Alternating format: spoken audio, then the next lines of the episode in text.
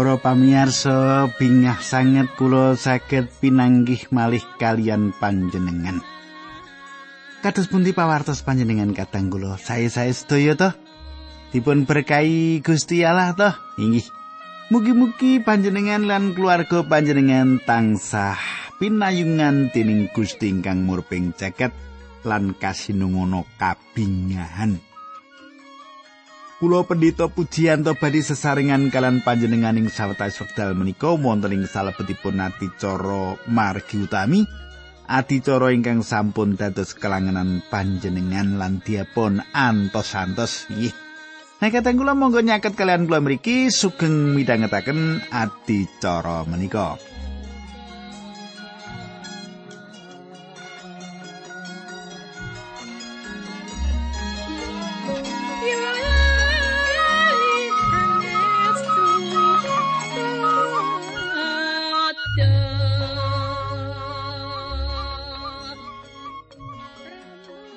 Para pamirsa menapa panjenengan tasih kemutan menapa ingkang kula aturaken duk nalika pepanggihan kepengker. Inggih Pak, kula tasih kemutan.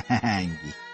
Nggih ketahipun kados mangkaten, nggih tasih kemutan menapa-menapa ingkang kula andharaken dhateng panjenengan awit Menapa awit menika penting sangat kangge kegiatan gesanggita minangka jejere wong percaya nek dadi jejere wong percaya menika tansah cekelan pangandikane Gusti mila panjenengan badhe kiat. Nah, kateng kula kula ringkes kemawon pepanggian kepengker. Ing pepanggian kita kepengker kita sampun nyemak kados bundi Elia tunduripun mekrat dateng kasuwargan lan Elisa gentosi kalengganipun minangka jejering nabi. Lajeng kelajenganipun kados pundi nggih kita badhe nyemak samenika nanging saderengipun menika kula badhe ngaturaken salam dumateng Bapak Samino nggih. Bapak Samino desane Sidonegoro. Isi ora dadi negara sakniki dadi negara Sidonegoro. Mugi-mugi Pak Samino sesarengan kalian kula nggih.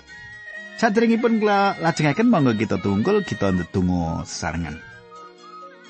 Duh Kanjeng Rama ingkang adhedhampar wonten kraton ing kasuwargan kawula ngaturaken gunging panuwun menawi wekdal menika kawula saged tetunggilan kalian sederek-sederek kawula ingkang setya tuhu midhangetaken adicara menika.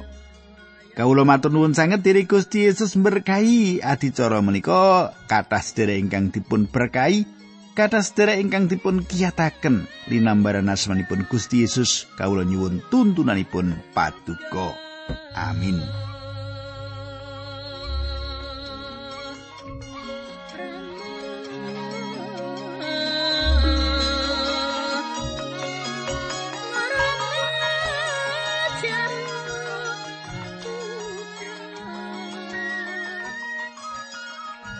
Para pamirsa, pasinaon kita samenika sampun lumebet ing salebetipun kitab kalih para raja bab kalih. Sak menika dumugi ayat 23 lan mangke badhe kula waos selajengipun selajengipun lan selajengipun. Elia sawek lumampah tumuju dhateng Betel. Betel ateges pedalamanipun Allah. Tembung menika kawitan pindah dipun ginakaken dening Romo Abraham, salajengipun dipun ginakaken dening Romo Yakub. Nanging patrap gesang tiang-tiang ingkang manggen ing Betel mboten selaras kalian naminipun. Patrap uripe ora padha karo jeneng Betel sing isine sing lire pedalamane Allah.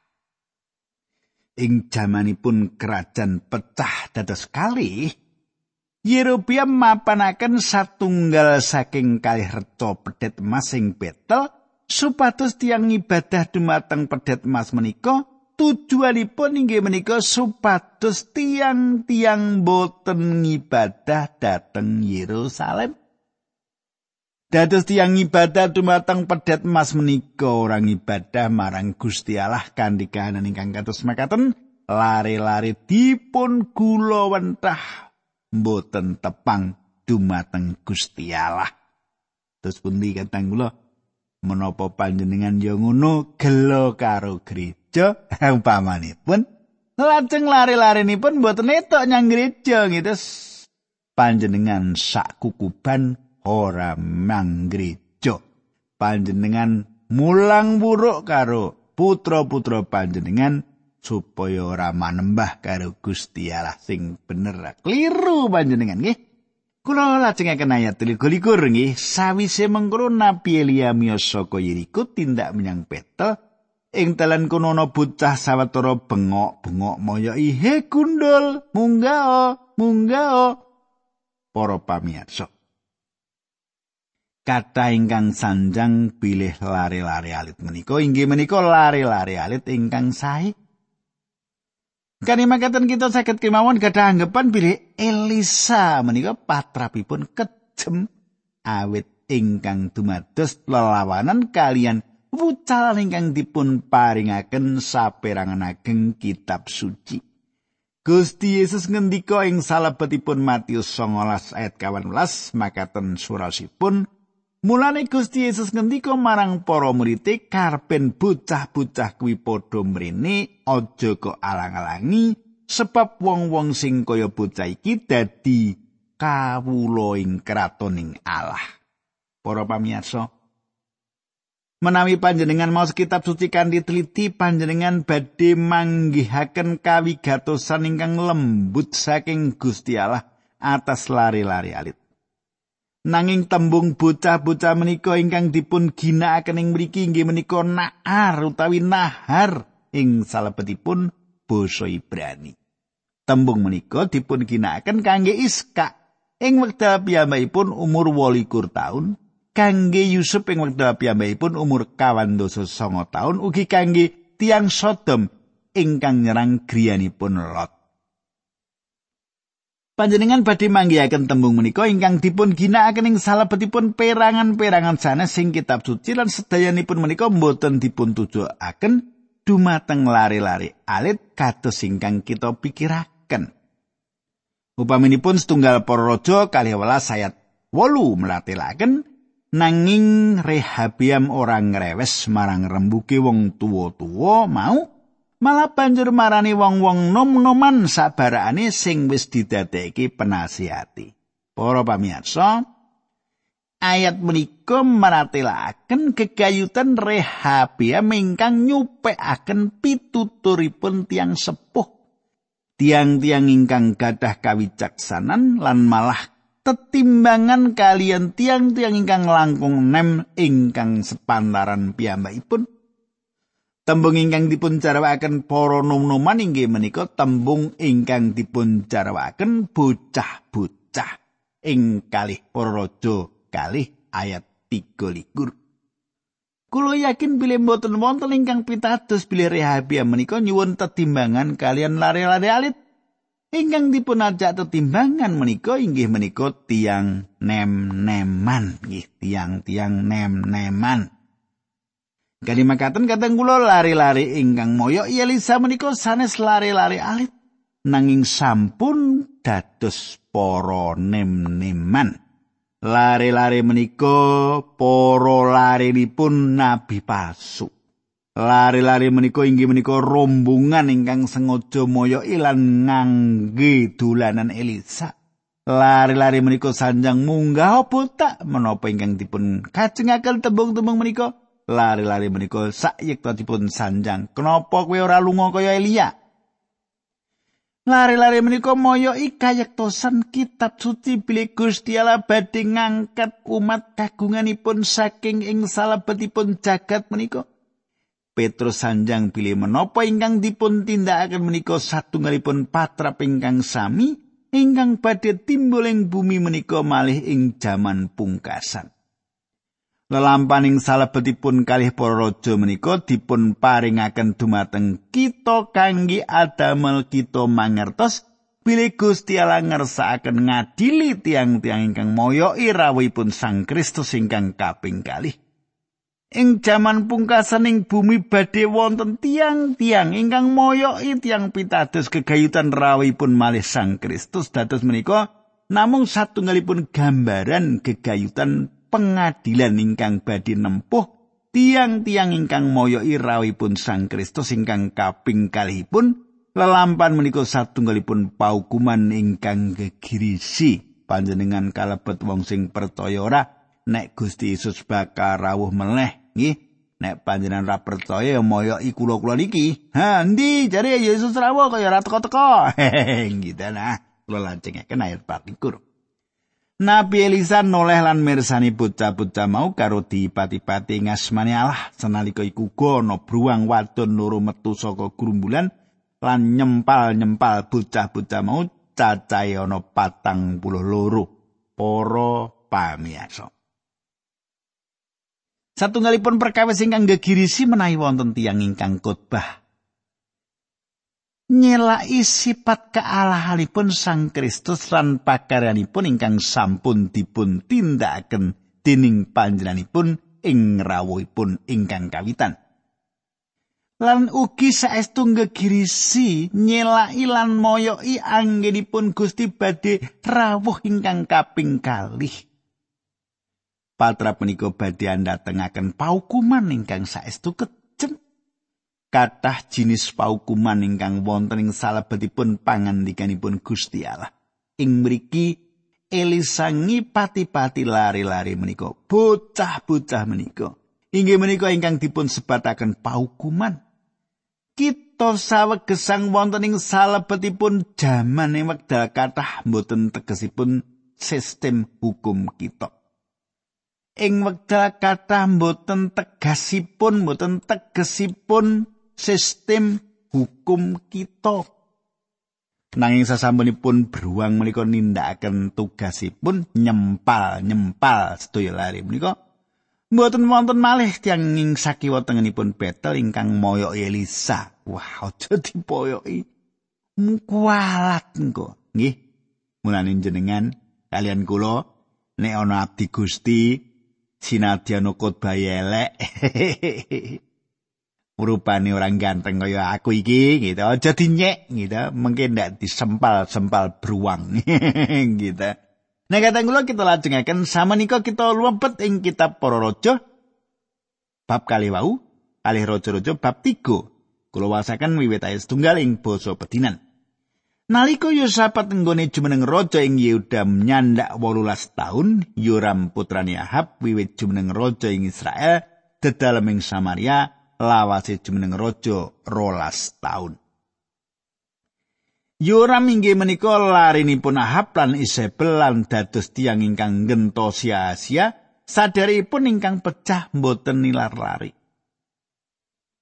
Yoram ora mangun kula wasaken nggih ayat kalih lan tiga Yoram ora bangun turut marang Allah senajan ora nganti kaya dosane wong tuani ya kuwi Ahab lan Isabel reca-reca sing digawe dening ramane kanggo nyembah Baal dirusak. Nanging ora beda karo raja Yerobiam bin Nebat, yura muga tansah njalari Israel gawe dosa. Para pamirsa, piyambakipun boten dosa kados ingkang dipun tindakaken Ahab nanging piyambakipun tasih nindakaken dosa. Yerobiam bin Nebat inggih menika ngibadah dumateng pedet emas. Ijek ngibadah karo pedet emas. Nah, niki lak lucu nggih wis ngerti nek iku salah ditindaki. Ayat sekawan lan gangsa Mesa Raja Moab sugih Raja Koyo. Saben taun Mesa mbayar pajak marang Raja Israel rupa wedhus gembel lanang 100.000 lan wulune wedhus gembel lanang 100.000. Nanging sak sedane Raja Ahab Mesa mberuntak marang Raja Israel. Kadang kula sadangunipun menika muap teluk dumateng Israel lan kedah sosok bulu bekti glondong pengarang-arang. Nangi wedal aha pecah muap mbudidaya supados nampeni malih kamardikan lan nolak sosok bulu bekti glondong pengarang-arang. Awit saking menika Yoram nglempakaken prajuritipun lan sekuton kalian Yusafat supados adamel muap teluk malih dumateng piyambakipun. Ing wekdal tiang-tiang kelawa mboten saged pados toya kangge para prajuritipun, gerakanipun mboten namung kapambengan nanging tiang-tiang kelawa ugi wonten ing satengahipun bebaya menawi ngantos kakawonaken dening Moab. Raja Yosafat minangka tiyang ingkang wedi asih dumateng Gusti Allah nyukani pamrayogi supados ngundang Nabi Allah supados nyukani arahan. Ayat 13 ngantos 18. Nanging Nabi Elisa matur kula mboten badhe mitulungi panjenengan. Wangsulane Raja Yoram mboten mergi ingkang badhe ngulungaken kula tetiga ing tanganipun Raja Moab menika Gusti Allah. Ature Nabi Elisa demi asmanipun Allah ingkang gesang ingkang kula bekteni menawi mboten krana Raja Yosafat ingkang kula hormati, kula mesti mboten mertuli dhateng panjenengan. Kateng kula Salajengipun Gusti Allah paring janji bilih badhe wonten kamimpangan, badhe dipun sukani toya lan badhe ngawonaken Moab panjenengan gatosaken cara Gusti Allah ingkang ngidapi-dapi nggenepi perkawis menika. Ayat 16 Banjur ngendika mengkini Gusti Allah dawuh gawe kalen sing akeh ana ing ledukan kini. Katang kula kalen-kalen menika satunggalipun ledukan ingkang mangkinipun kangge ngiseni toya. Kangge dipun iseni toya.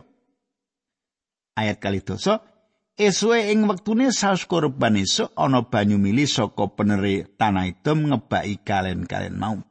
Kadang kula prajurit Moab ingkang nglempak kangge mbela negarinipun samenika ningali dhateng prajurit mengsah ingkang nyaketi. Ayat 23 nganti 23. Esuke bareng wong Moab tangi turu srengenge nyoroti banyu ing kalen-kalen nganti katone abang kaya getih.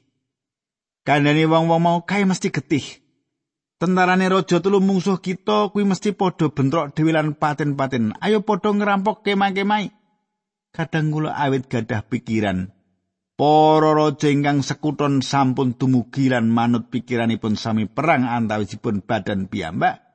Tiang muap kesupen peperangan menika piyambak lan saben tiang gadah pamrih pados kauntungan saking kahanan kisruh menika.